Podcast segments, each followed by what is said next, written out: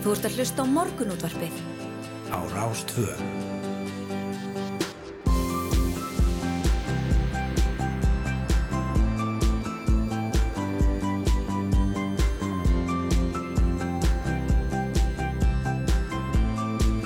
Morgunútvarpið Á Rástvö.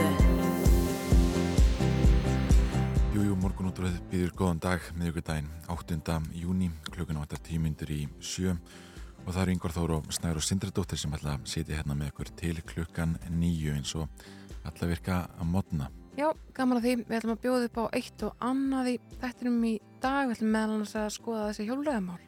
Jújú, einmitt eins og framög komið í fréttum rannsakar lauruglan og hvort ekki var á hjólreiða mann af ásetningi á lögutaskvöld.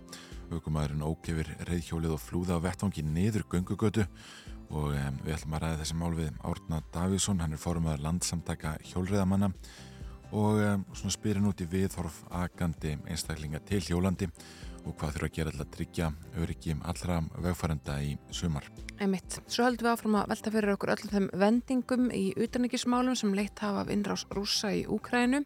Tyrkir higgjast standa gegn yngangu svíja í NATO nema landið gangi að skilmálum verum að framsela til þeirra fólk sem flúið hefur landið vegna pólitískra ofsókna Erdogan Tyrklandsforsetta og ætlum að ræða þessa stöðu við Rósu Björk Brynjónsdóttur fyrirverandi varaforsetta.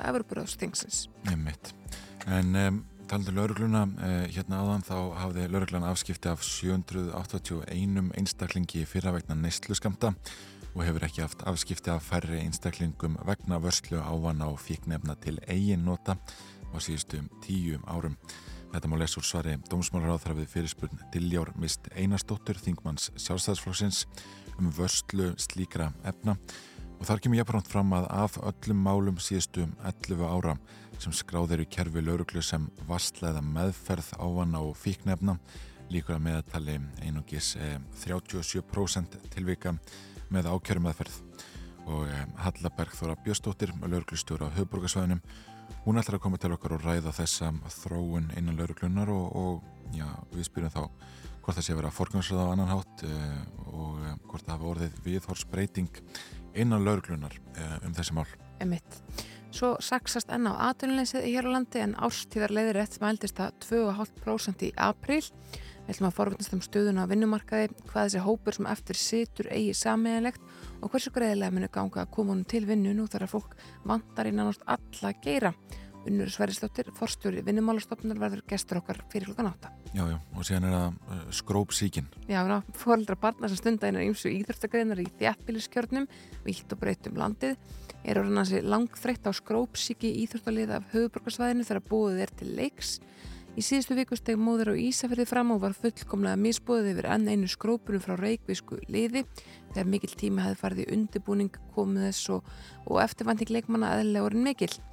KSI hefur þessa skrópsíki til skoðunar. Það viljum að ræða þessi mál við Birki Svensson, sviðstjóra innanlandsvið KSI og Móta Gúru en þetta samt á ekkert bara við einhver um uh, knæspillina svo þessi tekið fram. Nei, nákvæmlega. Og það lúpina líka í, í byrjun þáttar. Já, já, hún er í miklum blómum landa alltaf með þessa myndir, sitt sínist hverjum samt um ágætt hennar, en það geti kannski lokkað fleiri yfir í hóp jákvæðar að gagvart lúpinunni að vita að júrtin er ekki bara duglega við að fjölga sér, hún er líka til margs nýtsamleg, en Háskólu Íslands hefur meðalans rannsakað hennar fjölmörgu eiginleika. Við ætlum að ræða nýtjajúrtina lúpinu við Björn Viðar Aðalbjörnsson, lektor í matvæla og næringafræði deilt Háskóla Íslands. Nákvæmlega. Við skulum líta hér á fórsýður bladana, eh, þannig að hitta þetta hér á fórsýður morgublansins en það kom eh, viðskipta mokkin út í dag. Mér langar eiginlega að byrja því að nefna það að Mikael Mikaelsson sem er umsunamaður með samevrósku samstarfi á sviði loftasmála. Hann hefur hlotið orðun á nabótina MBE af hendi bresku krúnunar Já. eða Member of the Most Excellent Order of the British Empire. Og hann segir hérna e, á fórsvíða morgurblassins að sig hafi skort orð við tíðindin. Heiðurinn sé mikill en fyrst og fremst sé hann heppin með farsalt samstagsfólk og ég held að við þurfum að róa því öllum árum að, að fá e, svona nabbót snarús, Ég? Member of the Most Excellent Order of the British Empire Já, ég bara sett mig ekkert að móta því. Nei, einmitt. En hún líka rættum það hérna á fórsíðan morgunbladsins að íslenska hagkerfið sé í þeirru óvennilegu stöð að nokkrir samverkandi þættir getur hamlað hagvist á e, síðar hlut ásins. Það geta aftur haft áhrif á aðalflutning fólkstillansins sem við höfum rætt hér. í þessum þætti og vænta íbúa fjölgun næstu eh, eh, já, næsta árs á þetta vantilega að vera hérna eh, já, næsta árin segi en eh, samkvæmt mannfjöldaspá hagstofunar eh, miðspáni munu íbúum landsinsfjölgum 19.000 á árunum 2022 til 2024 sem er umlega íbúafjöldi Garðabæjar og þá gert ráð fyrir að á sama tímabili flytti 22.500 fleiri til landsins en frá. Og um, já, það rætt við þetta einu viðskiptamokkunum og rætt við Ingolf Bender aðalhafræðing samtaka einnaðarins Einmitt, við höfum svo sem fengið hann hérna til þess að tala svona um svipaða hluti. Já, já, að við erum bara einhvern veginn, já, okkur mun fjölga rætt en, en, eh, en við erum alltaf fá. Já, nákvæmlega. Hér að fórsíðu frettablasins er uh, uh, mynd frá því þegar að flutningarskipinu Dettifossi var í gæri formulega að gefið nafn. Rúmum tveimur árum eftir að einskip fekk það aðfenda og smíðast það í Kína í byrjunum mæði 2020 Almenningi bauðist í gæri að skoða Dettifoss sem ásand sýsturskipinu Brúarfossi kom til landsins þannig í lóknóvumber 2020 og þetta er stærsta gámaskip landsins 180 metra lengd og rúmar 2150 gámæningar. Og hér sé ég að það er fjallkona sem að er að, uh, að brjóta flösku á, uh, á kýli skipsins. Eins og, eins og tíðkast þegar að nöfnum er gefið, nei skipum er gefið nafn. Já, já, það er nöfn- það er nöfnum er gefið skip. Nöfnum ekki skip, já. Um, hér á fórsíðu fréttabæsins er líka uh, rætt við Sofi Jensen verkefnastur hjá Matís en nýrannsók sínir að eituröfni plasti fari hratt og í miklu mæli í lífriki hafsins og hafi mikil áhrif á frjósemi eins og dæmin af svæstnustu efnunum sanni. Þetta er semst ný samnorran rannsók sem sínir að eftir fjóra mánuði sjó hafum helmingur eitrara íblöndunarefna sem er að finna í flestum plasttegundum skólast út í umhverfið. Þetta eru glænýjar uppsingar, segir Sofi hér sem að verði þeim kvartning til að rannsaka enn frekar þann, þennan þátt í lífríki hafsins. Um, en í dag er dagur hafsins, gaman að því. Já, einmitt, skemmtilegt. Já, Nú það er líka rætt um það hér í, í morgunblæðinu eh, að gamla símkerfinu verið lokað á næsta ári fjarskiptafyrirtækinu er smátt og smátt að taka út koparlínur fyrir heimasíma landsmanna og fara þá yfir á netið gegnum svo nefnd Voice over IP kerfi. Og samskiptastjóri Símans eh, Guðmundur Jóhansson segir að þessari vinnu eigi að vera að fullu lokið fyrir áslokk 2023 og áfórum voru upp um að taka kerfið út fyrr og að einhverju leiti má reykja það til veirufaldusins að hans sögn um, en að sögn hans þurfa símnótendur ekki að aðhafast, aðhafast mikill að færa sig á millikerfa og uh, geti notað uh, sömu símtækin áfram. Um, þetta er náttúrulega hérna, áhugaverð þróuna að færri og færri er að nota heimasímana. Uh, og, og fólk að færa sig yfir í farsímana. En uh, það er nú ákveðin sjarmi í því að, að vera ennþá með heimasíman Slafa þráðinu í góðan heimasíma. Síðan svara bara einhver í fjölskyldinni Er yngvar heima? já, Má hann leika? maður man ennþá sko númerinn hjá bestu vinnu sínum og, og, og svona frá því bara að maður var lítill og var að ringi í heimasíman Já, jú, jú, það er svona, það er svona eimir eftir já, uh, Hér séu tvö í, í fréttablaðinu er mjög skemmtileg mynd sem hefði gæðan mátt bríða fórsöðuna Það eru börn flóttamanna frá Úgrænu sem að líka svo við Ablagranda 40 í Vestabænum en þar var ný aðstæða fyrir flóttafólk opnuð í gær sem var áður til húsa í Guðrunatúni 8 Já. Skemmtileg. Sæti krakkar er í leik en við ætlum að fara að skipta yfir á fréttastofun að fara síðan yfir veður og færð hér eftir sjöfréttir Já, einmitt, komum á vörnusbóri og spilum líka skemmtilega tónlist fyrir okkur í allan dag eða svona til klukkan nýju. já, við getum lofað því Þú ert að hlusta á morgunútvarpið á Rástvö.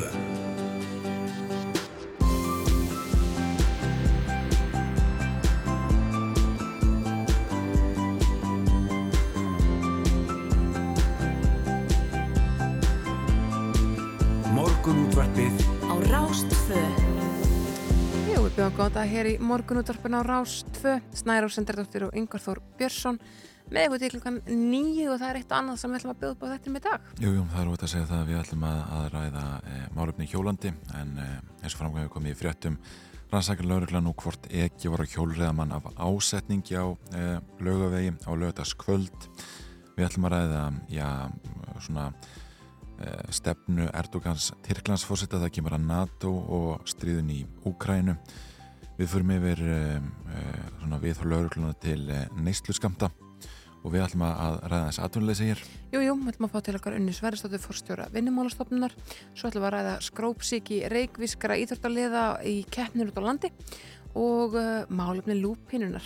Já, nákvæmlega. en uh, þetta hápolítiska blóm er til margs nýðsamlegt. Já, einmitt. Uh, við skulum fara örstuðt yfir veðrið í dag. Hér í hulengum veðurfræðings á veð, veðurstofunar kemur fram að það verið austlag eða breytilátt í dag, yfirleitt 3-10 metrar á sekundum. Sumstar þokam við norður og austurströndina en viða skúrir á landinum eftir hátegi og hitti 8-16 stygg. En á morgun nálgast all djúb lægð úr söðri með vaksandi austanátt. Kalda eða stinningskalda setnapartin en all kvössum eða kvössum vindi við söðuströndina úr komi lítið og fremur hlýtt en fyrir að regna síðst annað kvöld. Og ef við skoðum hérna eh, kortið og við veðustofunar þá er nú bara hlýtt í dag. Og eh, nánast logn eh, víða um land. Eh, og tveggjast á að tölur eh, eh, já, svona nánast allstaðar það er kannski helst svona hérna norðvesturlandi það sem verður já það er nú, nú glampandi sól á Bólungavík getur við sagt. Já, en maður segir í Bólungavík Já, það er nefnilega mjög forðanlegt sko og nú er ég ekkert að skamma þig að því að hérna, það veit þetta, veit þetta svo fáir. En það er að skipta landinu upp með svona ás, svona skástryggi í raun og veru frá Hólmavík til Vík er Mýrdal. Já. og Hólmavík og Vík eru á og allar víkurnar þar fyrir ofan. En fyrir neðan er það, er það íin. Já, það er um, en það sem að mér finnst það gerur þessu fólki ekki að segja þetta ránt Nei, en það sem mér finnst, persónulega uh, er að allar víkur að vera í og allir fyrðir að vera í en allt sem er út að vera á. Öll nes, tangar skilur mig? Já, emitt, en allt, er, allt sem er inn þá vera í og allt sem er út á vera á. Það akkurat, væri einfaldast. Já, já. þá væri þetta bara svona örnefna tengt og við getum bara öll einhvern veginn halla okkur aftur og verða ekkert að spá mikið, mikið meira í þessu. Já, það væri ákveðinlust það væri visslega ákveðinlust eh, en eh, Ég sé þið svíður undir þessu kakrinni Já, ég meina þetta, þetta er hérna ómaglegt. Herðu, hvað segir vegagerinn? Herðu, vegagerinn segir sem ekkit margt. Eh, það eru eh, einstaka eh, svona frangandir. Þingvallavegu verður til dæmis lokar mellir skálaferðsvegar og kjósiskarsvegar í dag 8. júni til 7 vegna ræsagerðar. Uh, en það er verið hjálaðum kjósaskarsveg og kvalfaraveg svo er vinnað við lengingu vinstri beigju reynar á sæbröð við skeiðarvók hér í, á höfuborgarsvæðinu uh, og vinna við lengingu vinstri beigur einar á Reykjanesbröð við bústæðaveg þar var það eitthvað tafir um, og það þekkja það svo sem allir að þegar það eru tafir við bústæðaveg þá verður allt stoppið á höfbrukarsvæðinu þannig að fólk kannski hafi það í huga. Á Norðurlandi er unnið að viðhaldi á brúnni við eigi fjörð við leiru. Ljósastýringu þrengt í eina agrein og Óljósfyrði uh, unni við lagfæringu og ræsi við Brimnes. Þeir eru svo sem búin að vera ekki nokkar dag Uh, Austurlandi eru reyndirinn góðu á ferð og full ástæði fyrir alla þess að uh, hafa varð ná, nálagt þeim. Og Suðurlandi er unnið að byggingu brúar og stóru lagsa á skeiða hrunumannavegi og ég get satt þér það að þar fór ég yfir um helgina. Og þetta verður uh, mikið og fallet mann, mannverki þessi brú. Já. ég kerði þarnum ljósastýring við hérna ljósastýring yfir gömlumbrúna og þetta leitur allt saman mjög vel út. Ég er mjög spennt að kera yfir nýju brúna. Já við fögnum því. Já. Við fögnum því. Eh, við ætlum að fá fyrsta lagdagsins. Já, þetta er Don't Try to Fool Me með Jóhann ekki Jóhannsinni. Þetta ættu allir að þekkja.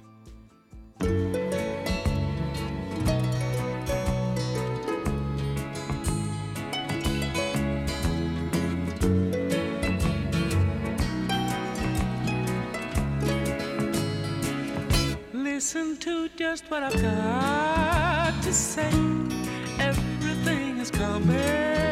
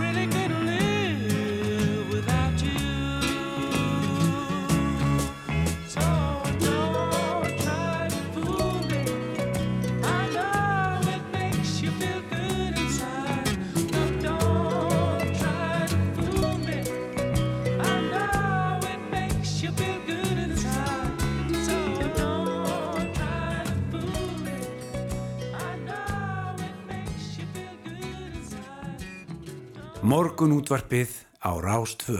Ég er reyndar þeirra skoðunar yngvar að þetta lag sé svona heimsklassa lag. Ef að við, ef það var ekki eftir Jóhann G það hefði líklega orðið heimsfrækt Já, þetta er stórgótt lag. Eh, og, og hérna og, og svona Beris Braga að, að geta verið vinsalt hvað sem er. Já, það er það alveg og, og hérna og var það auðvitað þannig. Já, alltaf, þannig að það er hérna, uh, já gaman því. Hér segi ég á, á uh, VF uh, MBL Smartlandið er að var að byrta hér fyrir skömmu síðan lista um flottustu skegglandsins já það akkurat. er, uh, sko, er ekki skeggið hans að útleiða það Maður hefur svona fundið einhver liti fyrir því Já. en eh, svo sem margir hérna eh, sem eru svona ábyrjandi í eh, í samfélaginu eh, eru að, að sporta skegg þessa dagana. Uh, hér er uh, alls konar menn og suma þekkjamaður og anna, aðra ekki. Uh, hér er með Kári Kristjánsson, handknallegsmaður, Já, hann hefur nú mikið skegg. Algjörlega. Einar Þorsteinsson var handi borgarstjóri, hann er hér, hann er nú ekki með mikið skegg. Nei, mjög snirtilegt skegg getur við sagt. Já, það segir hann sem er ótrúlega fagurt skegg, Ótrúlega farið, já, akkurat. Algjörlega. Já, já, Uh, svo er Gunnar Nelson hérna, Lógi Höskuldsson, listamar, hann, hann er með mottu já sem, að- sem að ég held að að mætti ekki að tróna á þessum lista. Mottan er mikið inn núna. Mottan er mikið notuð eh, þessa dagana eh, og var það svo sem líka enda fyrir einhverjum svona þessi fimm árum, einhversu leis það var svona hérna eh, þá var fjöldi fólk sem hérna ákvaða að, að sæni mótu en svona þetta svona einmur á sem Fólks. já, Jú, jú, já, já, já, já. eh, já, já Ég held já. að við, sko, við konunar eh, erum svona alla jafna Já. að reyna að vera ekki mikið með móttu. Það er Nei, ekki algilt, nei, það er allt til í þessu. það er en- allt til í þessu en, En, mínar vinkonur, það er sko, á meðan að menninni er að sitja sveittir fyrir framann baðskápin einhvern veginn já, og reyna að, að greiða móttuna niður, eða sko, hafa það nú sér smart, þá eru þær að reyna að losna við hana. já, akkurat, Eh, akkurat. sem er bara svolítið fallegt í sjálfur sér sko. Það er einhver liti fallegt. En það er líka Sáðdans. einhver lítið ræðilega Já, já, herðu hérna uh, við ætlum að fara að ræða lúpuninu hér til smá, það er ágætt að nefna það. Eh, ég hef nú stundum gert þegar við fyrir með þér veðrið. Uh, það er þessi skjáltavirtni á Reykjaneska og hérna það var ekki að skjálti sem mældist þrýra stærð á Reykjaneska lust eftir klukkan 5 í morgun uh, einhver mögulega vatna við það. Og upptök skjáltans á 5,5 km dýpi uh, suð-suð-vestur af Faradalsfjalli það svæði sem hefur svona hérna uh, látið mikið eh, finna fyrir sér uh, undanfarna mánuði getur við sagt. Uh, og annars skjáltið þarna tveira starf síðans mér. En fleiri skjáltar ekki mælst á þessum slóðum í nótt þetta er eitthvað sem fólk finnur fyrir áfram já, algjörlega og það er spurning hvernig þessu tímabili ljúki. Um, ef við erum komin inn í þennan mikla svona uh, eldsumbortatíma á Reykjanesinu þá uh, er ekkert víst að þetta taki sko kvílis mikið næstu ára tvíina Nei, nákvæmlega. Það er svolítið fornulegt að velta því fyrir sér. Já, En yngvar, ég ætla að spila fyrir næst lag sem að er að hérna, tröllriða listunum og öllum að óvörum. Uh, þetta lag varð allt í hennu gríðalega vinsalt um, á TikTok já, akkurat uh, og svo er það líka á uh, í, í hérna Stranger Things. Já, akkurat, þeim vinsalögu Netflix þáttum eh, Einmitt. og það er Running Up the Hill Það er Running of the Hill, þetta lag kom út árið 1985 en er núna uh, komið í held í áttundarsæti breska vinstaldalistans, hugsaður.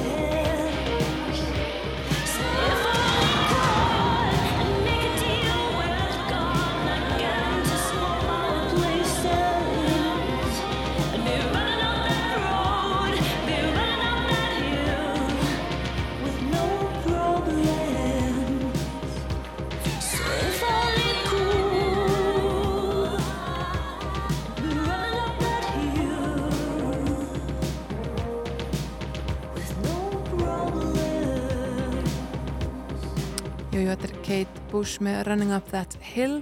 Eins og ég sagði hérna á hann, þá er þetta lag orðið alveg ótrúlega vinsalt aftur þótt að hafi komið út fyrir næstu í 40 árum síðan. Það er já.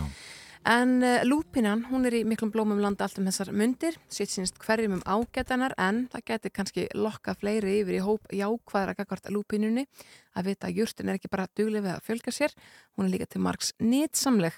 Hann er komin ykkar til okkar Björn Viðar Albjörnsson, lektor í matvæla og næringafræðatild Háskóla Íslands, verður velkomin.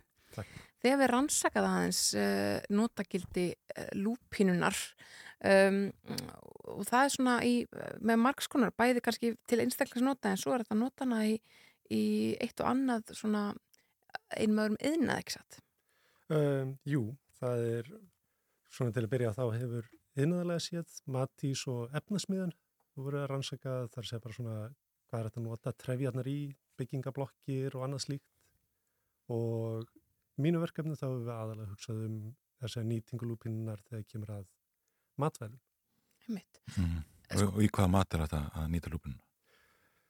Um, lúpina sem við erum með hérna á Íslandi, hún er flokkast undir þess að svona ramma lúpínu og erlendis það sem er kannski betur þekkt nýting á henni, það er, það er segja svona sætur flokkur lúpínunar og það sem við gerðum við er, við vorum að þess fyrsta sem það er að gera er að skoða, það er segja, hún er rammabræðið það eru ákveðin varnarefni í lúpínu þar sem hún bara notar til þess að forðast þess að árósir, hvort sem það er beit frá dýrum eða skortýr og þetta eru þar segja efni, spartin og lútin sem eru eitruð í miklu magni og við þurftum fyrst að þess að fjarlægi efnin Mm. og þá, þá gáttu ólagsins farið út í að þess að nýta lúpínuna sjálfa. Mm. Þannig að það er ekki hægt að taka lúpinuna á fersinni um landið og næja henni hausin einhvern veginn á leiðinni.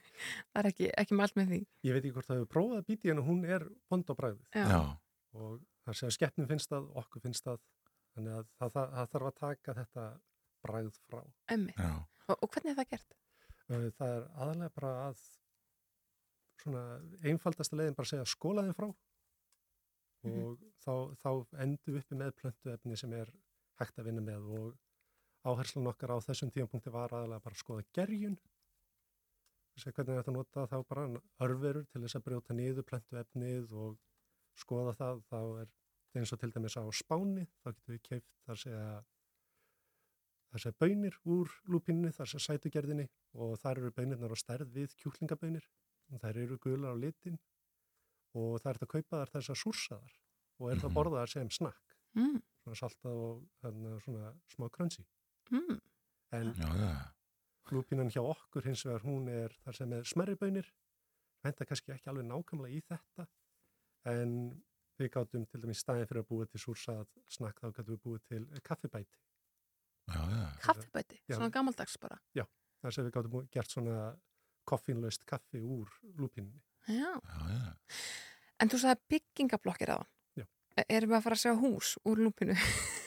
Ég held að það þurfi kannski aðeins þar sem meiri stúdíur þar Já, en það er kannski ekki stúdíur sem ég hef komið að einmitt. en það er mjög áhugavert að nota trefja efnin í eitthvað þar segja meira en bara að vera fallið út í náttúrunni. Mm Einmitt. Ég svo nefndum hérna á, sko, þá hérna, þá er þetta hápolítist, uh, hápolítist planta getur við þess að lúpinan, jörtin, uh, sko, finnur fyrir það að þú ert að vinna með, með lúpinna að, að hérna fólk svona síðan sikandi?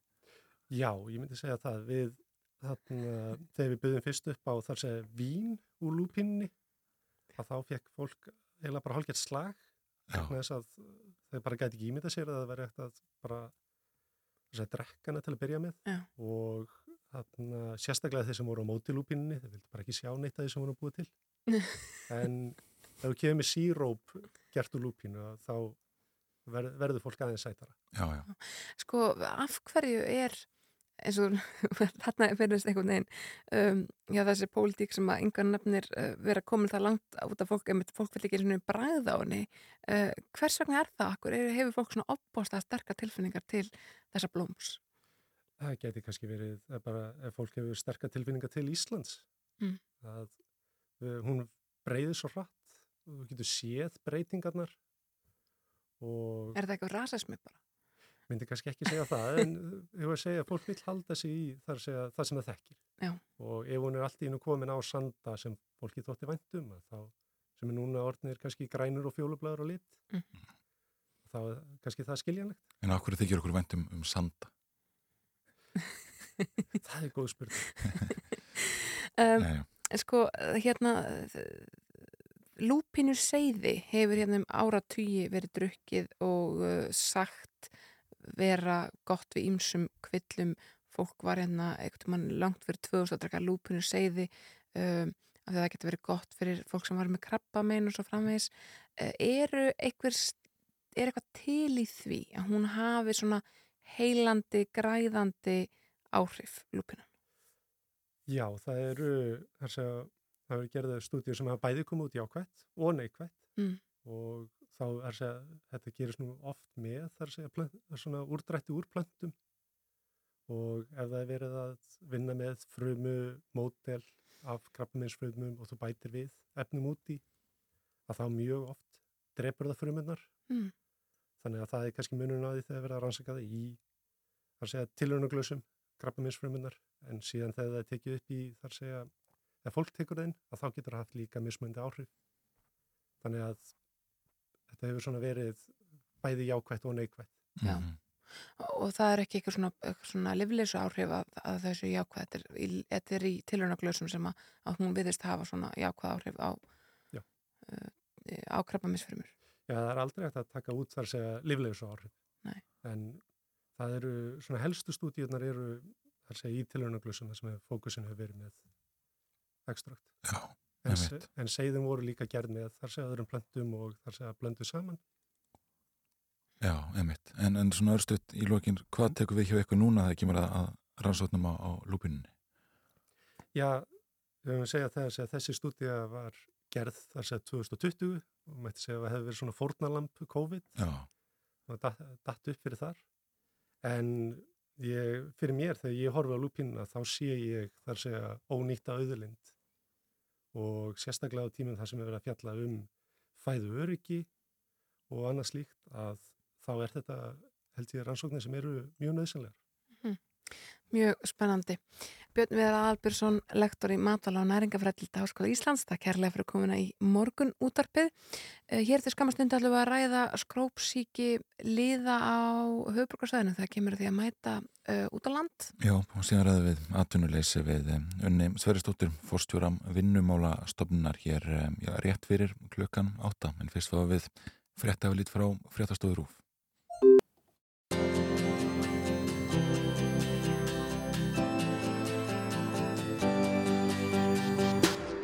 ert að hlusta á morgunútvarpið á Rástvö.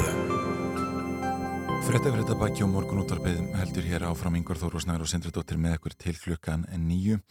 En fóreldra barna sem stunda hinnar ímsu íþróttagreinar í þjættbíliskjörnum vítt og breyttum landið er orðin þreytt á eh, já, skrópsíki íþróttaliða af höfuborgarsvæðinu þegar, eh, þegar bóðið er til leiks og í síðustu viku steg móðir á Ísafyrði fram og var eh, já, misbóðið yfir en einum skrópunum frá reikvisku liði þegar mikil tími hefði farið í undirbúning komið þessu eftirvænting leikmanna eðlilega orðið, eh, orðin mikil. Nú eh, KSI hefur þessa já, skrópsíki, getur við sætlir skoðanar og Birgir Sveinsson sviðstjóri innalagsviðs KSI er komin á línuna, góðan daginn. Já, góðan daginn.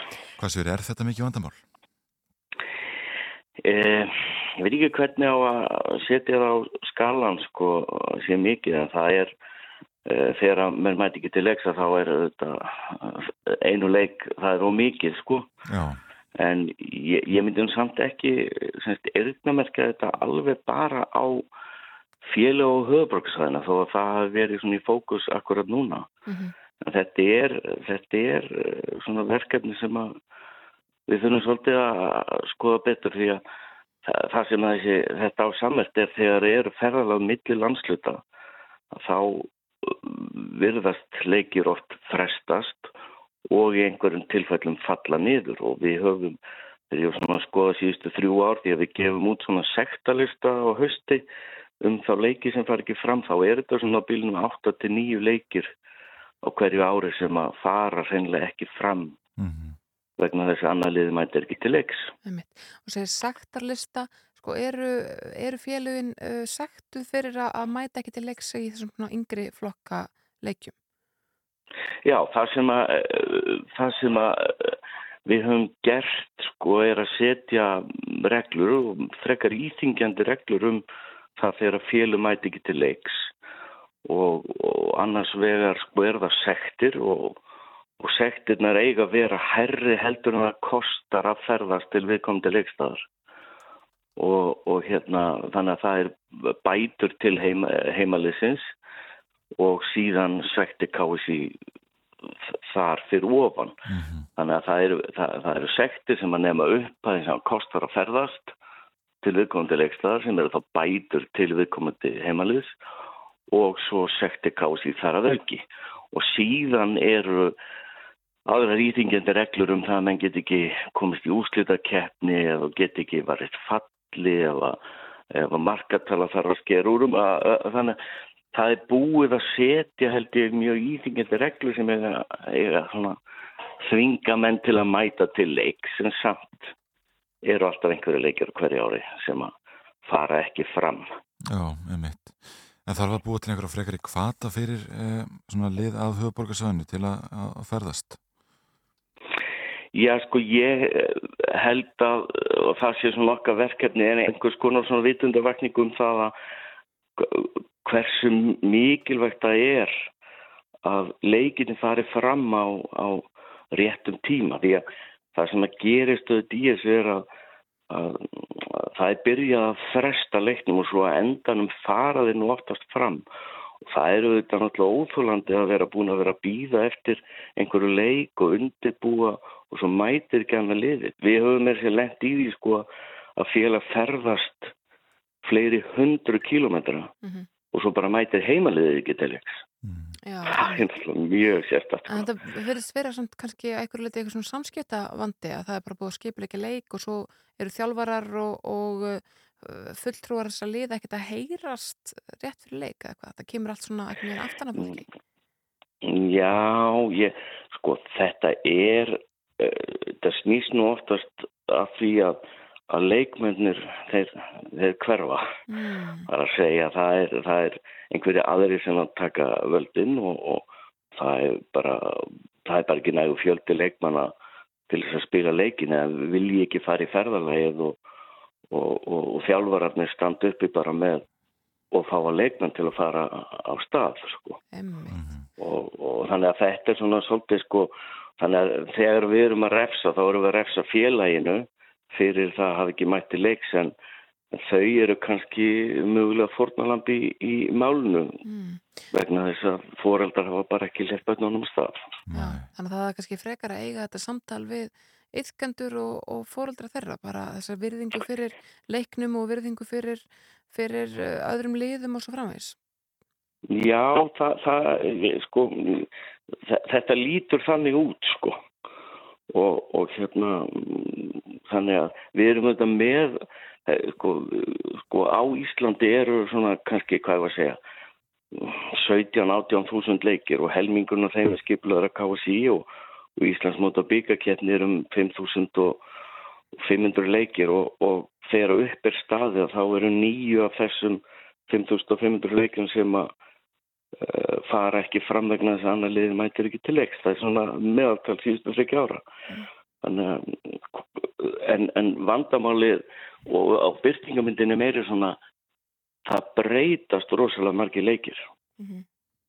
Þó að endan farði nú svona flestir fram og það er nú það sem að gerist ég er full að trúa því að, að þessi leikir sem að sko hafa verið í umræðinu núna þeir munu fara fram en, en það verður sko þá eftir að finna tíma fyrir þau en það þarf auðvitað alltaf tvo til þegar að vera að breyta leik Mm. Mhm. Einmitt. Sko, sko útilegði getur ekki bara sagt þegar við erum ekki að koma sko Nei, nei.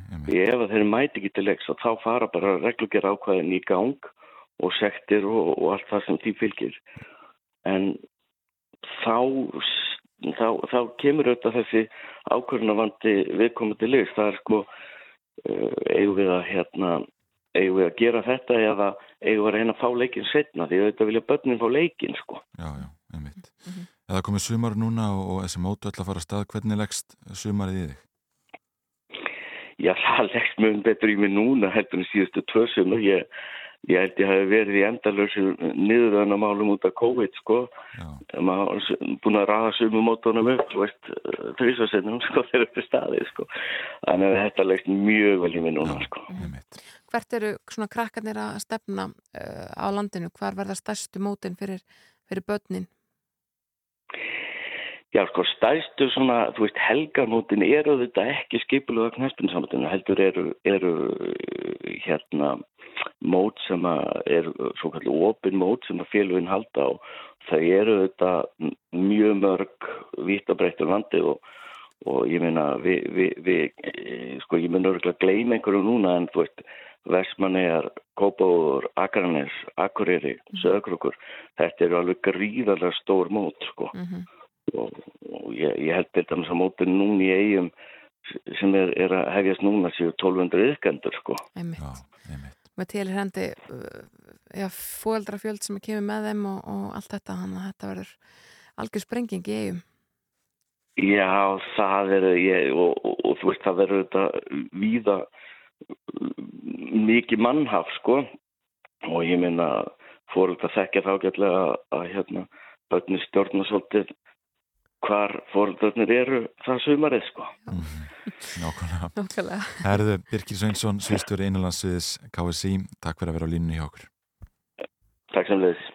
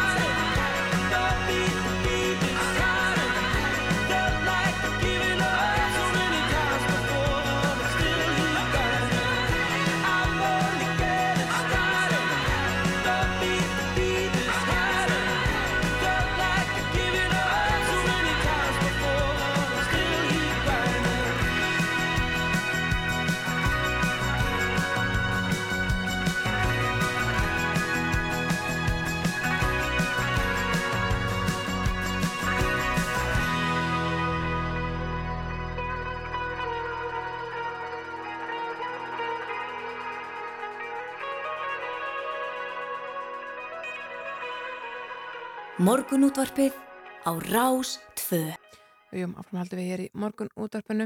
Það saksast enn á atvinnuleysið hér á landi uh, með við tölur hagstónar þá var það árstíðar leiðrétt mælt 2,5% í apríl en, en uh, tölur uh, vinnumálstofnunar eru svona í kringum 4% hún komin eitthvað til okkar unnur Sverrisdóttir forstjóri vinnumálstofnunar til þess að ræða atvinnuleysið og, og já Já, hraðan bata í þeim efnum frá því sem var hér í COVID, verðu velkomin unnur Já, takk fyrir það. Sko við kannski byrjum bara þar. Um, við sáum auðvitað atvinnleysi fara upp í hæstu hæðir þegar að faraldurinn hófst.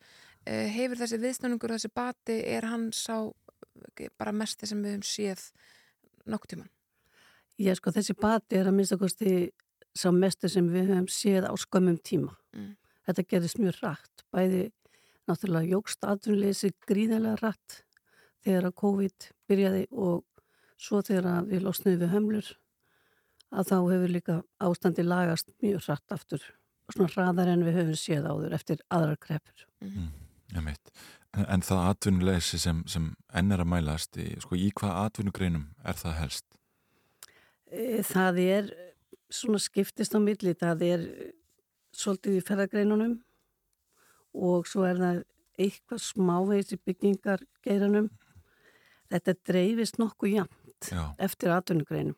Já, en ferðageirin er mjög mannfrekur þannig að það er ennþá atvinnulega, eða sem sagt við höfum, okkur hefur ekki tekist alveg að manna það og við erum ennþá með svolítið fólki sem kom inn úr þessum geira sem hefur ekki skilað sér aftur inn í þessa atvinnugrein. Mm.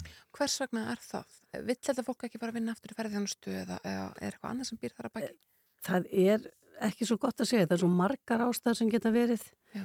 og þetta er sama sem hefur gerst um alla Evrópu, það er mér þótti tólti merkild að heyra það, það ferðarþjónusta náttúrulega um alla Evrópu um allan heim, hún bara lagðist af þarna á tímabili og svo er hún alltaf að taka við sér að, aftur og þetta er virðist þeirra sama vandamálið mjög víða að, að það er erfitt að fá fólk til starfa aftur og hérna hjá okkur getur þetta verið svo margt, það er bara kannski er þetta eldra fólk sem var tæft fyrir og þetta er erfiðisvinna og það er að leita sér að annari kannski léttir vinnu.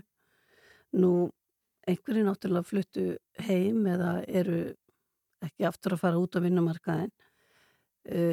Einhverju eru svona veikir fyrir þannig að þeir eru svona lengi frá vinnumarkað, það þurfa að vera aðstöði nattur. Mhm. Svo er þetta erfiðu tími eins og til dæmis, eins og við kannski fólk sem er búið að vera í atvinnuleysu og núna eru skólanir og leikskólanir allir að fara í frí og fólk sem er ekki með stert bakland það þá kannski erfiðara með að fá gæslu mhm, núna í júni, júli og ágúst og það kostar líka að koma börnum fyrir Já, þetta, þetta eru svo marg þættar ástæður og þetta ég er ekki að segja að þetta séu gildar ástæður, fólk hefur ekki heimild samkvæmt lögunum að hafna vinnu af þessum ástæðum en þetta er samt gefið upp Já. og Já. þá á það, er það áþáðlega til að lenda í viðlögum hjá okkur Mhm. en maður er ekki annað hægt en að skilja þetta líka við svo leti því að það eru löngsumarleifi hér. já. Einmitt. Og sko, hvers konar viðurlög eru þið með e, þegar einstaklingur vill ekki þykja ákveðna vinnu? Já, ef þú hafnar starfi þá ferðu, sem sagt, þá missuru atvinnleysis tryggingarna þínar fyrsta skipti í tvo mánuði og ef það gerist aftur þá er það þryggja mánuða tímabil og þriðja skipti þá er það bara, ferðu bara út og þarf að vinna þér inn nýjan, nýjan rétt aftur. Já, Þannig að þetta eru hörð viðurlöði, þetta er jú framfæslan. Þannig að fólk er skuldbundið til að taka í raun og veru hverju sem þið bjóðuð. Í raun og veru, já. Já. Það er þannig. Það er samkvæmt lögunum, það er lagabústafurinn, en auðvitað eru við að reyna að miðla fólki í þau störf sem við teljum að það muni endast í og muni það langi til að fara. Það Mm. langar engan atvinnureikand að fá fólk með hundshaus í vinnu. Nei, ekki... Þannig að við reynum nú að, að samræma þetta og koma fólki saman með góðum hætti. Það er allra hagur. já, já. En lagabústafurinn er svona hafnir og starfi að þá, þá er þetta, eru þessi viðlug. En er staðan einhver eitthvað betri en þið bjúkast þið? Já og nei, jú, hún er betri. Mér finnst þetta ganga hraðar. Ég var nú alltaf, bara alltaf þá hún í brjósti hérna þegar að verst lét að við myndum ná okkur hratt upp og það hefur aldeilis orðið raunin og, og ég held að og það sé gerast út um allan heim. Mhm. Ferðagerin er að taka, taka við sér að krafti. Mhm. Það er mikil ferða þörf. Þetta eru sko um það byl uh, 9.000 mann sem eru atvinnulegs núna og 3.000 langtíma atvinnulegs, þar að segja í meira en 12 mánuði. Er eitthvað þessu fólk einfallega uh, of hæft, of mentað og svo framvegist til þess að, að uh, geta þegið þau störf sem að í búið eru í ferðarþjónustu eða annar staðar? Er, verið, er þannig hópur á, á lista hjá okkur? Það er sko 45% þeirra sem eru hjá okkur eru með grunnskólapróf Mm. og 24% með háskólapróf og svo er þessi 30% sem eftir eru tæplega um kringu það eru framhaldsskólinn, einhvers konar yfirmentun og, og annan nám. Mhm. Þannig að, en þetta er nú svona svolítið spurningum líka hugafar. Hvort þú sért, ertu of velmentar eða ertu búin að láta kannski á að reyna í mjög langan tíma að finna starfið hæfi, þá er það nú okkar, þá reynum við að koma því að því fólki að það er betra að taka hvaða vinnu sem er og það er miklu auðvildar að finna starf á meðan þú ert í starfi. Einmitt. Þetta er bara staðrind sem að blasir við okkur tölulega séð. Mm. Þannig að við reynum nú að benda fólki á það að þó þetta sé kannski til skamstíma að þá geti það gert gagn því að öll virkni er miklu betri heldur en þessi óvirkni að býða og býða. Mhm. Nákvæmlega.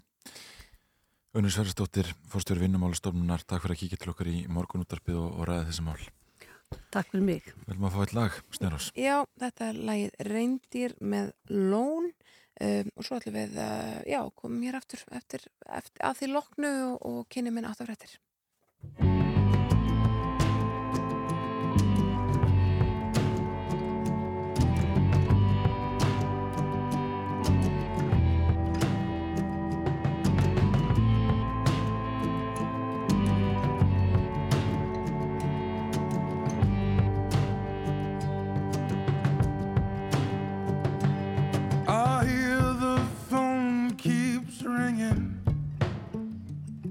I already know who it is, but I can't get myself to pick it up. I know I owe you answers but they're not the ones you hope. So I just wait until the ringing stops.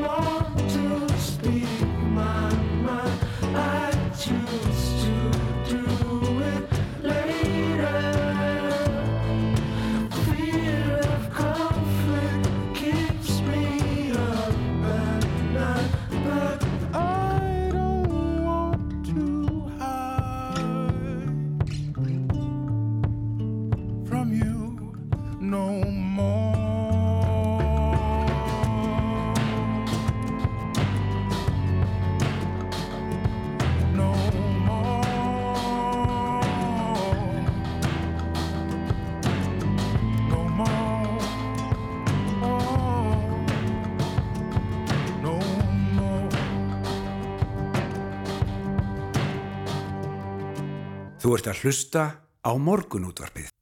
Yngvar hér uh, kemur fyrir að við svona lítum aðeins um auksl og veltum fyrir okkur merkilegum tímumótum.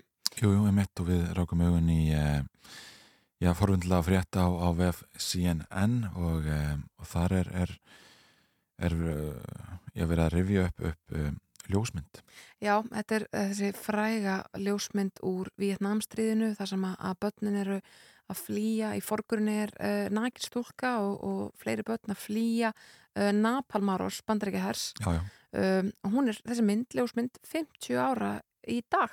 Hún var tekin sem sagt 8. júni 1972 og er svona stundu verið sögð myndin sem svona markaði upphaf endirsins á þessu ræðilega stríði því að hún fóð bara eins og eldrum sinn og allan heim er einn þekktasta fréttaljósmynd bara eh, 2000-aldarinnar. já, já, verið að dreifa þarna eituröfnum og, og þessum neipalm sprengjum úr lofti yfir þessi stóri skólendi Mm og þorp uh, til að eðilegja uh, svona ymsa staði uh, og þetta, þetta er svona ég held að þetta sé einn áhrifamesta mynd síðustu aldar Já, já. það. Ég held að það sé ótt að segja það. Í þessari, þessu viðtali, í þessari grein á vefsíðinu, þá er talað við þessa stúlku, hún lifði þessa árás af, hún heitir Fanti Kim Púk uh, og er, um, segist aldrei, haf, sko, hún muni aldrei gleyma þessu augnabliki, þetta var sagt uh, þorpið hennar Trang Bang sem að var þarna, uh, varð fyrir þessari Napalm árás og hún uh, segir þessu viðtali að, að hérna, og segir þessu viðtali að, að hún har skammað sín rosalega fyrir þessa mynd. Já, einmitt, hún býr í Toronto í Kanada núna Já. og er að segja frá því þegar hún sér þessa flugvel að koma sprengunar falla og, og uh, allt í einu hafi verið eldur allstaðar Einmitt. uh, föt hennar hafi uh, bara hérna föðrað upp á, á skotsundu Já, hugsa sér, en það er eins og sé, hún er hérna það er mjög sætt myndað henni í dag stand, sem stendur svona fyrir framann þessa mynd og greinlega mjög glæpett og, og huguleg kona. Já. að skipta yfir á fréttastofuna að heyra áttafréttir koma svo hér að með spóri. Þú ert að hlusta á morgunútvarpið. Á Rástvö.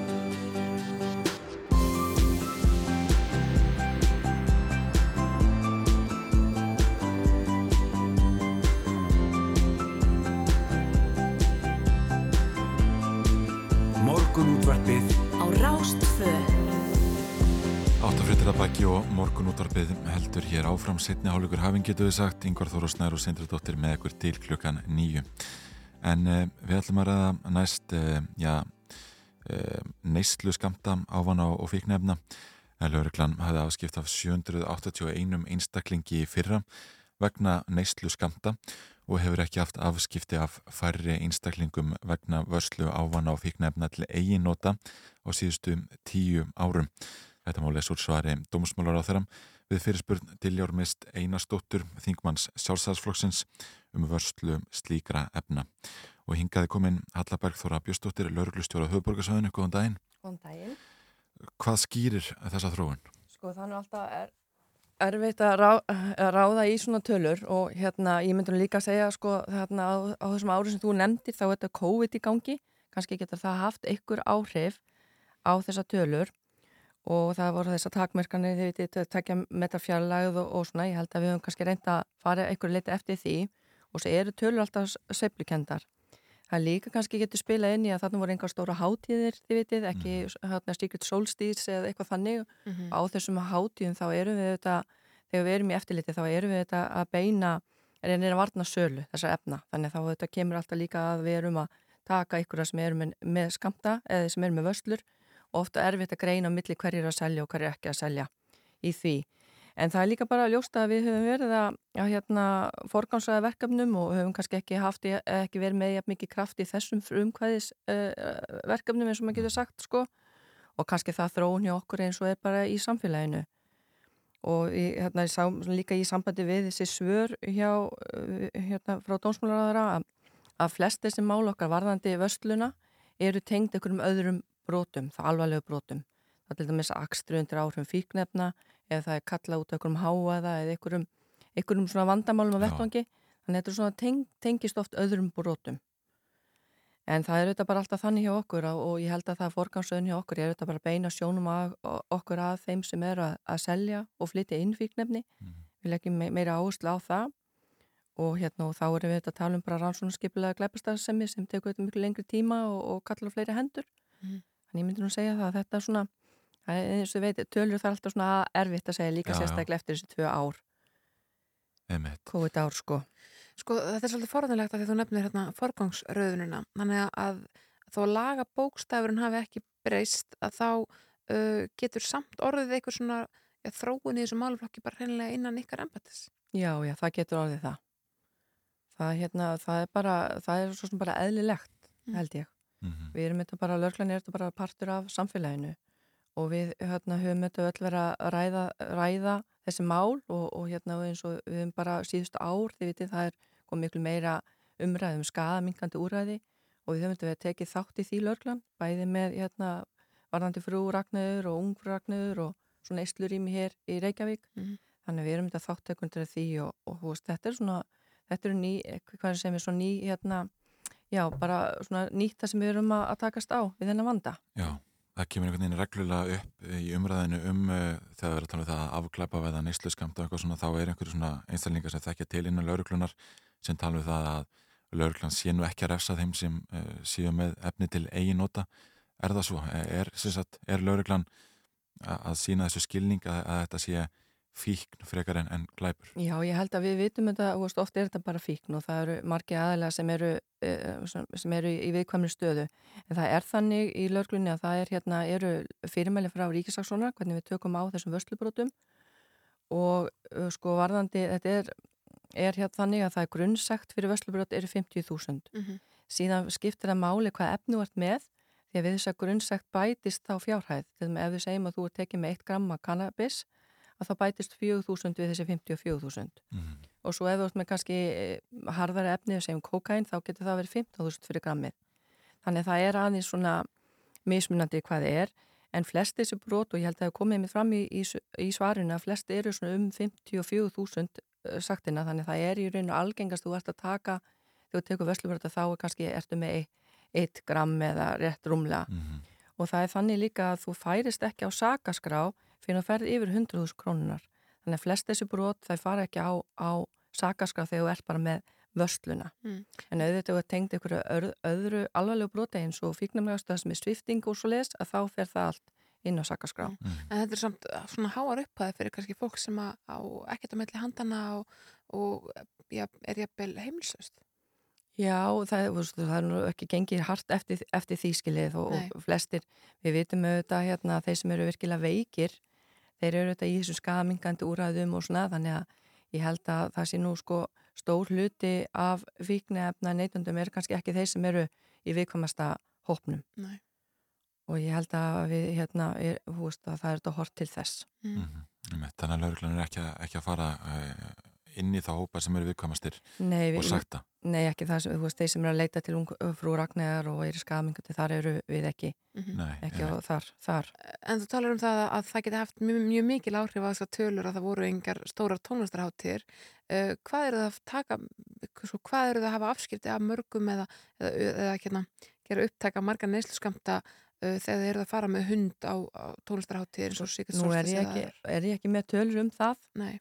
Þú veist og það, það er bara mjög mismunandi held ég, hvernig Mm. það er. Ég, eins og því miður, ég er ekki með tölur um, um síðast en það var ég ekki lörglustjóri þegar það var Nei. en ég er ekki alveg með það á tæru en það er auðvitað, við auðvitað erum að reyna að, að passa upp á ungmennin okkar það sé ekki verið að selja þeim fíknefni þannig að það er auðvitað svona líka mikið forverðni í því að við séum á staðunum og með eftirlit. Já, en það hefur orðið einhver svona viðhorsbreyting, viltu meina, innan lauruglunar á undarverðum Já, ég myndi segja það bara, þú veist, það er þetta bara, ég held hjá okkur öllum, sko. Við erum þetta bara þáttökundi í samfélaginu eins og aðrir og hérna fylgjast með um, umræðinu og eins og ég sagði, við hefum tekið þátt í þessum skadamingandi úræðum og sem ég held að sé hennu góða, þetta er svona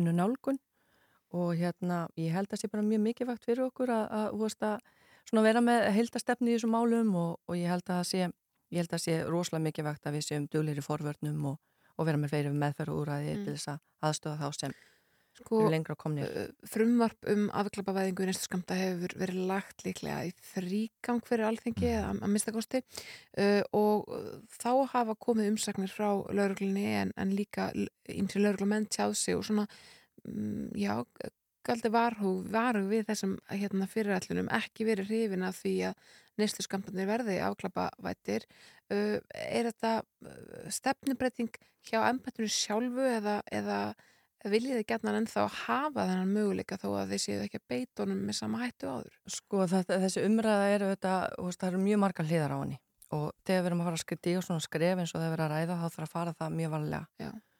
Og við þurfum að horfa til allra, allra átta og sjóna með það í því. Og það er mjög, veist, það er mjög sko þetta er mjög mismunandi. Hérna hjá okkur þá hefur við að tala um uh, afglæpa veðingu, þú veist, allra skamta sem er mjög, uh, held ég, í fáum ríkjum. Ég vildi alltaf byrja á cannabis og, og, og gert eitthvað meira. Það er líka mjög, því sem ríkjum sem hefur gert þá hefur verið mjög mikið hort til forvarna og og, það sem hefur verið gert í afliða og það er bara, þetta er bara, þetta er mjög flókið mál og við þurfum að fara að stíga mjög varlega. Og það er það sem við höfum verið að benda á. Því að frumvörpun eru kannski þannig að að það geti gert okkur mjög erfitt að starfa. Þannig að þú veist þetta til þess að geta þetta geti gengið þá þurfum við að vera öll samstíga, ég held að við þurfum að vera með sátt um það hvað við erum að fara að gera Mhm. ef það er mögulegt, en ef þetta er bara þannig að lörglan fyrir bara eftir, vinnu bara eftir þeim lögum sem alþingi ákveður. Mhm. en ég held að það sé alltaf mjög mikið vegt að við förum varlega Já, já, einmitt. Við tölum við það að tilfellum hefði fækka hérna eitthvað eh, aðeins eh, núna á síðustu árum mögulega vegna koronaværi faraldusins og, og færri svona þess að háttíða. Eh, hvernig býstu við að þróunin verði núna á, á þessu ári og, og næsta árum? Er eitthvað að segja til um það? Nei, ég myndi, ég testi mikið til að segja til um það Nei. en við bara, við bara vonum það að hérna neysla mingi, ég held að það sé best fyrir alla að vera sem minnst í neyslunni Uh, önnur stór mál sem að eru hjá, í gangi hjá ykkur á lauruglunni, hvernig er sko, hvernig standið þið svona fjárháslega? Hvar er, uh, já, hva, í hvað stöðu er embættið þessa dagana? Sko, við embættið bara stendur á, ágætlega akkurat núna svona fjárhagslega en auðvitað er þannig að við teljum hérna, okkur vanta fleiri hendur og fleiri, fleiri lörglumenn Mhm. og, og hérna myndum gerna vilja fá aukningu til þess að efla okkur Mm Það var Það er- ákveð að taka tvöfald fleirin í lauruglun námið og akkur er ekki já, satt? já, það er líka kannski hluta því að það eru orðnið mjög margir ó, ómenta lörglumenn út um, út um landi við hérna í Reykjavík og við verið frekar, á höfuborgsvæðinu frekar heppin með það. Mm. og það sé núna kannski gerast þannig að við þurfum að ráða, ráða til okkar sömur alvegsingu sem er ekki, alveg ekki mentaðir þannig að það er mjög mikið vegt við viljum þetta hafa menta lörglumenn en ég myndi segja það, jú, við viljum þetta efla lörglumenn enn frekar og, og frá, frá fleiri lörglumenn og, og starfsfólk til okkar til að geta sint okkar lögbundu verkefnum. Já, já. vel Þetta var að vera lokurinn hjá okkur í, í dag. Halla Bergþóra Björnsdóttir, lauruglustjóra á höfuborgarsæðunum. Takk fyrir að kíkja til okkar í morgunúttarpið. Já, takk sem leðis.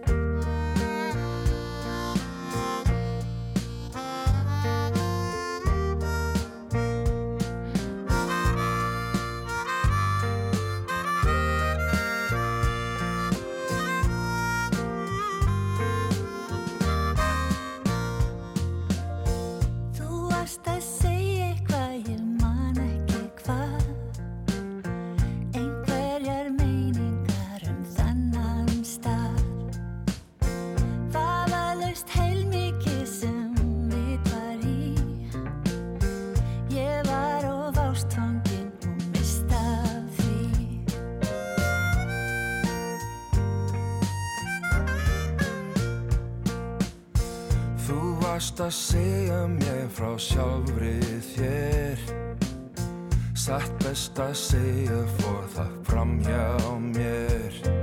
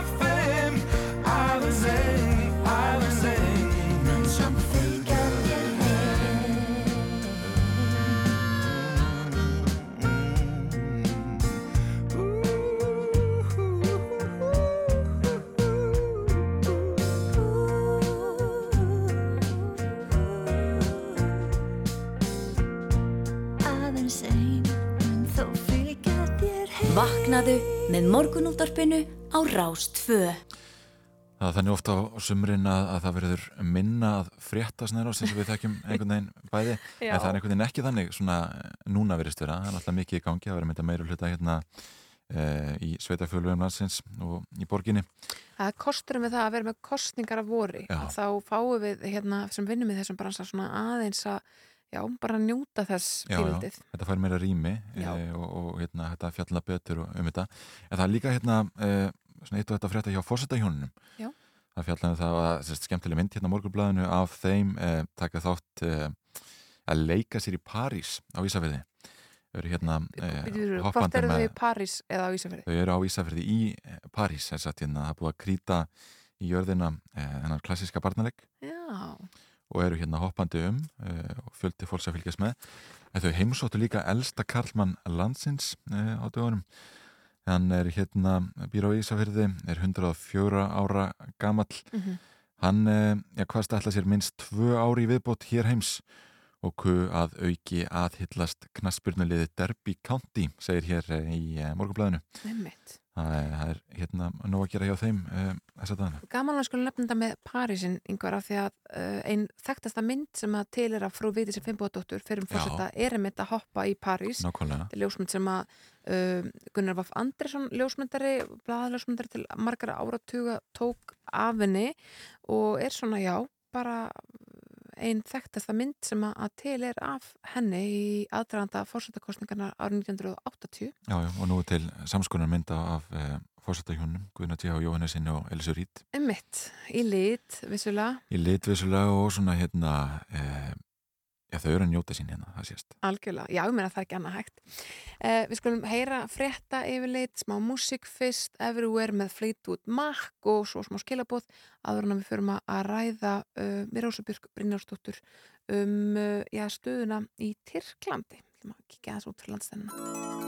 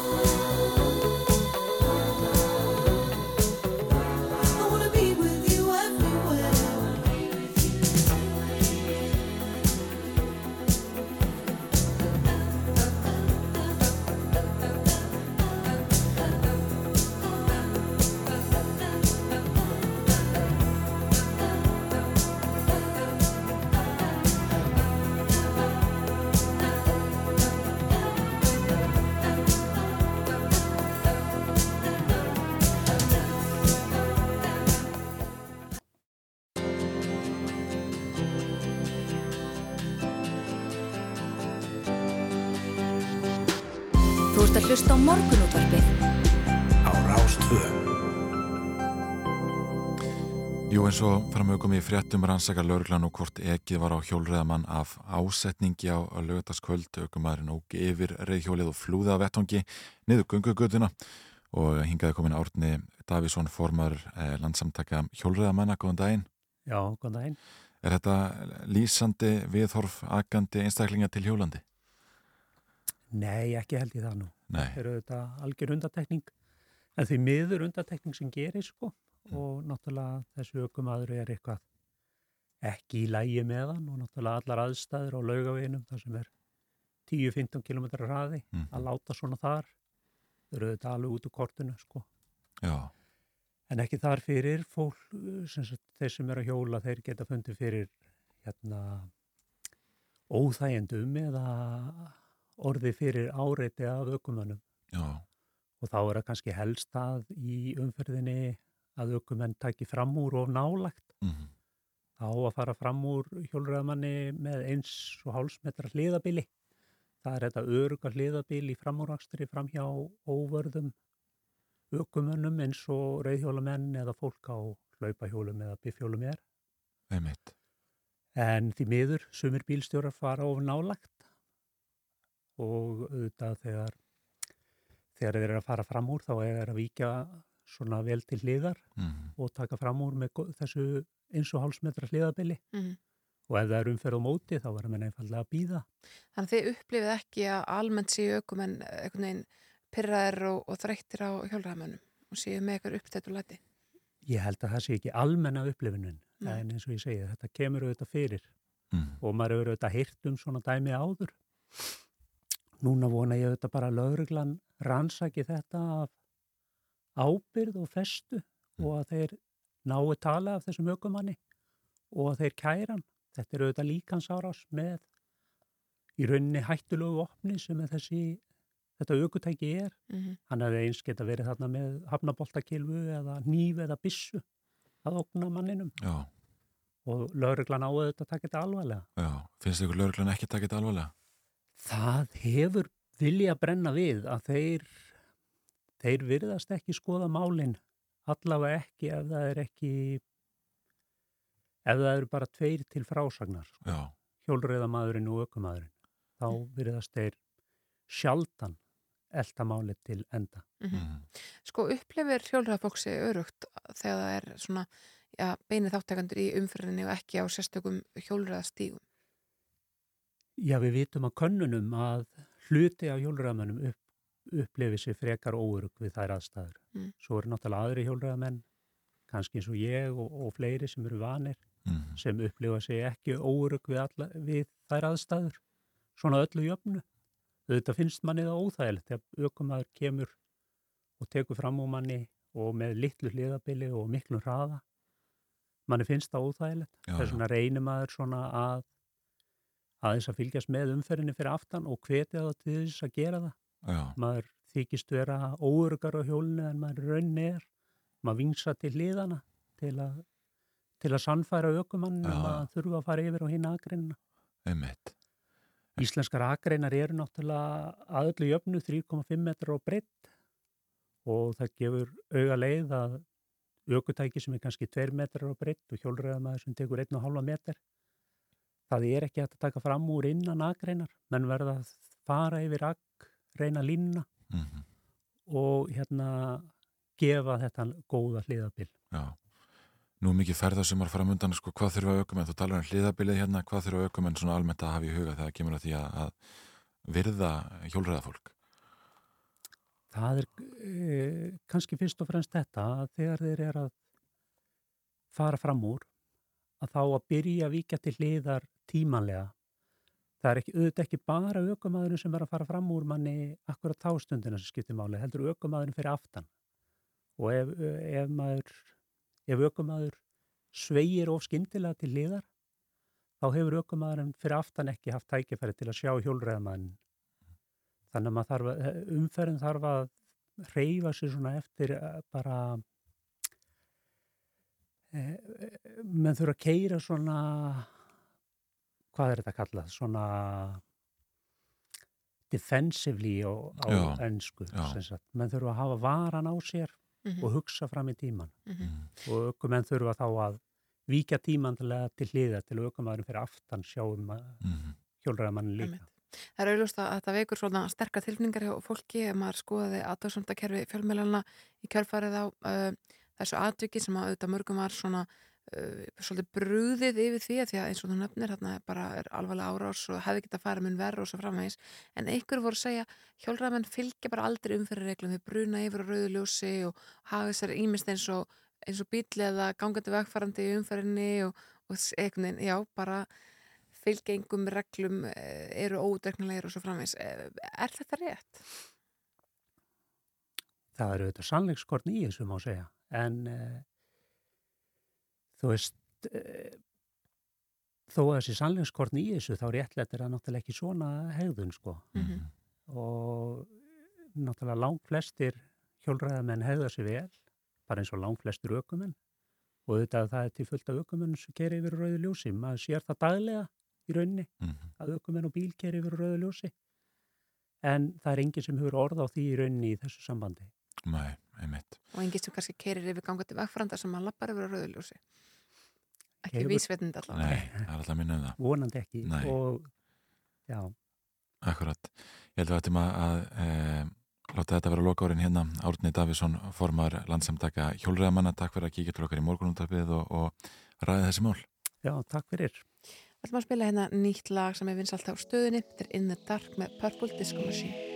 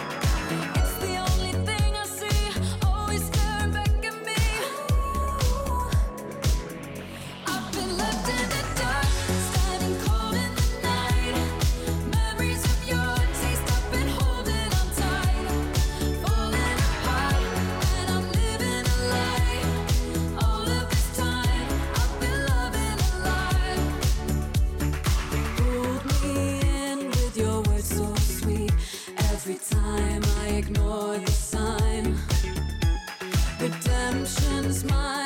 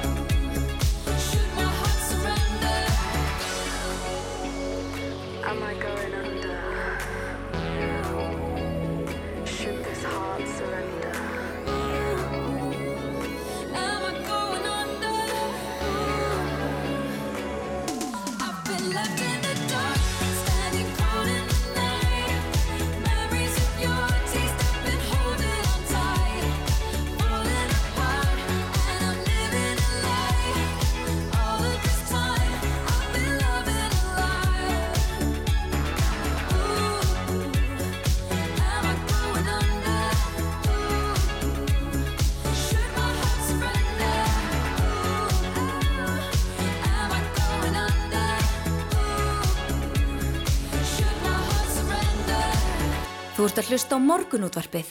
Á Rástvö. Jú, jú, þið ekki þetta. Hér setja Snæður og Sindardóttir og Yngvar Þór. Við ætlum að vera með ykkur til klukkan nýju. Uh, og við erum að halda fram að velta fyrir okkur öllum þessum vendingum í utanengismálunum sem að leitt hafa af innráðs rússa í Úkrænu. Tyrkir higgjast standa gegn yngangu svíja í allsafsbandalæðið NATO nema landið gangi að skilmálum þeirra um að framsela til þeirra fólk sem að flúið hefur landið vegna pólitískra ofsókna Erdogan Tyrklands fórseta. Hún er komin ykkar til okkar Rósabjörg Brynjarsdóttir fyrirvændi varafórseti Evropuráðs þingsins til þess að ég segja ykkur aðeins betur frá þessu vertu velkomin. Takk fyrir. Sko, við höfum aðeins fjallað um það í þessum þætti áður, þetta neitunavald sem að, að Tyrkir svona hótaði að beita varðandi yngöngu svíja og finna í NATO. Uh, það er háð skilmálum, ekki satt? Jú og sko þetta er nú ekki fyrsta skipti sem að Tyrkir setja svona afarkosti og, og, koma sér ákveðna stöðu, svona samlýstöðu varandi, hérna, varandi stórmál. Uh, það sem að gerðist í raun og veru í sænskum stjórnmálum í gær er mjög áhugaverður snúningur á þetta allt saman af því að þar eins og bara við vitum að það lág fyrir vandristilega á dónsmálar á þarann, Morgan Jónsson eh, vegna annars máls, vegna hérna svona götuofbildis og, og hérna meðferð skotvopna og, og hérna stjórnarnastan vildi meina það að að lauruglífjöld og dónsmálaráðandi hefði ekki bröðist við með nægilega afgerandi hætti gegn því svona vaksandi ofbeldi, svona gengja klíku og, og, svona því ofbeldi sem við hefur, því miður hefur verið hérna við líði núni í Svíþjóð og sænsku borgum undarfarið. E, það kemur lögð fram vandristilega og e, í raun og veru er úrslita valdið, hún, það liggur hjá þinkonu sem heitir Amine Kakabafe sem er að kurdiskum uppruna e, barðist með kurdiskum uppreistnarliðum aðeins 13 ára aldri og flutti svo síðan til Svíþjóðar og, og fór þar að e, gera sig gildandi í sænskri pólitík. Og hún einhvern veginn náði að minna á einmitt þetta á stöðu, stöðuna sem uppi komin varðandi þetta, þessa hótun Tyrkja og varðandi stöðu mannreitndamála og ég sjálf persónulega hef verið mjög hugsandi yfir einmitt þessari, þessum afarkostin sem Tyrkir hafa verið að setja og settum mjög strax á borðið við engungu og stækkun uh, alls að spandalagsins með engungu síja og finna. Og við vitum líka, ef við viljum kynna okkur það, þá er, er staða mannreitndamála í Tyrklandi herfileg og hún hefur verið ga harlega gaggrinum ára byll og um, til að mynda og í tíð Erdogan og þar hafa náttúrulega stjórnaranstæðingar hans og mannreitndafrömu verið fangilsaður án laga og dómsólaga. E, Tyrkir voru að ganga frá Istanbul-samlinginu núna í mæ síðastlinum sem að kendur er við náttúrulega borg í Tyrklandi. Þannig að réttindi hvenna þau er, það er verið að herða all verulega þeim. Þannig að staðan í, í Tyrklandi er mjög slæm. Mm. Eh, og það er náttúrulega mjög, hérna, maður getur sagt að það er mjög svona mikil tvískinningur og, og af þeirra hálfu að nota þetta, þetta spil að, að kræfjast þess að fá, fá til sín sko, fólk sem er flú, flúðuð þessar ofsóknir sem átt að þessi stað hvert pólitískum anstæðingum. Já. Við sjáum að fjöldi ríkja stiður yngöngu svíja og finna í NATO uh, en, en við sjáum ríkin ekkit endilega vera að taka einhverja afstöðu til þessara skilur sem, sem Tyrkir setja. Nei, einmitt. Mér, mér hefur fundist þetta að vera svolítið áhugaður hlutur sko að það er það er raun og veru eins og ríkin trista sér ekki alveg til þess að, að fara opinskátt allavega inn í þessa umræðu um þessar hótanir og þessi skilir sem Erdogan er að setja e, og kannski treysta því að það veri svona sami viðan baku tjöldin um eitthvað en ég verð að segja og það ljóta nú fleiri að vera sammálu mér í því að ef að verður samið um framsal á pólitískum, uh, já þessu fólki sem hefur flúð pólitískar ofsóknir að þá myndi mér þykja það að vera algjört neyksli að semja um framsal á, á þess áttar hérna, þess áttar eða bara fólki sem hefur lent í þeirri stöðu. Já. Er vita hvað þetta eru margir? Er hann bara með lista af fólki sem að hann vil fá heim til þess að hann geta sótt á til saka fyrir pólitíska skoðinu sína? Já, já, þann, það eru listar yfir það sko hjá tyrknuskum stjórnvöldum en við vitum að það eru um 600 mann sem eru í fangelsi núna í, í Tyrklandi Mhm. eh, sem hafa verið handteknir og, og, og hendi, hendi fangelsi án dóms og laga. Þar með látjum blaðamenn og, og pólitískir anstæðingar eh, mannreitundafrömuðir eh, við sjáum nýlegt dæmi um Osman Kavalan sem að hérna var fangelsaður núna nýverið og svo fangelsun hann mannréttinda, mannréttinda frömuður í Tyrklandi og hann var uh, fangelsaður án dóms og laga og í lífstegarfangelsi og það olli náttúrulega mikil reyði og vakti mikla neykslan. Þannig að það er raun og veru ekkit verið að, að, að hérna, það er ekkit svíst einskis. Já, En það þá ekki að bara breyta þessum skilurum sko allarsbandalagsins að, að ein þjóð geti haft neitunavald? Jú, við getum átt mjög langar samræður um neitunarvald. Ég menna við sjáum líka öryggisræði hvernig rúsar hafa verið að beita neitunarvaldinu ítreka og þar hafa náttúrulega líka verið mjög svona undafarið eftir innrás rúsa þá hafa náttúrulega verið hávarar rættur um það að, þurfi að, að hérna, setjast niður og endur skoða þetta neitunarvald. Að það gangi ekki lengur að því að þetta er rauninu lamandi fyrir öryggisræði sem á að vera hérna, greiðlega stert. Mhm. Og það er og veru óþólandi að neitunarvaldi sé einmitt nota af ríkjum þar sem að einræði ríkir og, og mannréttindur er brotin. Mhm. Og þetta neitunarvald eins og þú nefnir eh, sko, á uh, vettvangi saminu þjóðana, það gildir líka ekkert yfir alla. Nei. Það eru bara þessi svona stóru ríki. Stóru ríki sem, að, sem að eru, eru í sérstaklega stöðu. Mhm. En ég, hérna varðandi þess að svona afarkosti Erdogan og hans stjórnara þá uh, hefði ég vilja sjá svona meiri umræðu um þetta og hvaða afstöðu uh, ríki sem er í NATO hafa til þessar afarkosta og það sé opinska umræðu um það. Og auðvitað er eh, ríkir þannig ástand núna þegar að stríð ríkir í forstofu Evrópu þá náttúrulega kannski veira sér margir við gaggrinni, veira sér margir við að, að vera með gaggrinni umræðu um, um hérna kostu og galla þess að stækka allansans bandalagsins, það var bandalagi en við verðum samt að vara okkur á því að við verðum alltaf að eiga gaggrinni umræðu, við verðum að eiga líræðslega umræðu um, um hérna þessar hröðu breytingar sem eru eiga sér stað og öryggis og varnamálum Mhm. og, og í raun og veru í stjórnmálum í, í Evrópu. Og þú varst að kalla til því að svona íslensk stjórnvöld uh, já, mörkuðu sér að minnst eitthvað stefnu að rættu þetta vel og vandlega Já, af því ég- að Íslandi fyrir stíði inn í, inn í þetta mál með því að hérna, já, fylgja sér að baka við svíum og, og finnum sem að vilja ganga inn í NATO. Já og auðvitað hafa ríki auðvitað sinn sjálfs ákvörðuna rétt og, og taka þessar, þessar ákvarðanir eins og svíjar og finnar að gera með lýræsleira umræðu og, og taka þetta gegnum þingið og svo framvegis. Og það er, ég meina, svíjar hafa verið í mjög þjættu, þjættri samvinnu við NATO hinga til. Þau hafa verið í samiljum með samiljar heyrafingar og, og verið miklu, miklu, miklu samtali sín á milli þannig að hinga til það er ekki eins og hafa verið einhver eldaukur á milli. En uh, þannig að þessi líðræðslega umræða sko, um öryggis varnamál, mér hefur þótt já, það, það skorta hér að, að við förum svona í hana á, á svona breyðari grundarlega heldur en verið hefur. Mhm. Þessi sænska þingkona sem að, að uh, já, varði dómsmálaráður að vantrösti með því að setja hjá ekki satt. Uh, hefur þú hitt hana? Ég hef ekki hitt hana en uh, hérna kollegar mínir fyrirhandi sem eru sænski þingmenn hafa talað svolítið um hana. Hún er, þetta er merkileg þingkona, hún er merkileg hérna og hefur ekki alltaf, hefur stíð á svolítið marga tær. Eh, var í Venstrepartíet uh, og var síðan gaggrinn á innflytjandastefnuna og, og svona það hvernig, hvernig sænstjórnald voru, voru höllundir að, að hérna, svona kallaga nálgun á þau. Mm. E, saði síðan sig úr uh, Venstrepartíet vegna þess að hún held að og, og, og held í fram að, að hérna flokkurinn hefði staði vegi fyrir endurkjöri hennar. Þannig að frá 2019 að þá situr hún óháð þingi e, og tekur síðan þessa afstöðu núna. Já. Já, já, það er áhverð að fylgjast með þessum, hvernig þessum málum vindur fram. Eh, Rósa Björk, takk fyrir að kíkja til okkar í morgunúndarpið. Takk sem leðis. Við komast ekki lengra í dag, við erum búin að fjalla um eitt og annað hér. Það er ótt að segja það, við, við rættum lúpununa hér í, í byrjun þáttar. Um... Það eh, hápólitíska mál. Það hápólitíska mál, það var svona pólitíska málið í dag. Eh, skrópsíki íþróttalið af höfuborgarsæðinu, það kemur að því að keppa út á landi. Einmitt. Við fórum yfir um, atunleysi og um, neyslu skamta.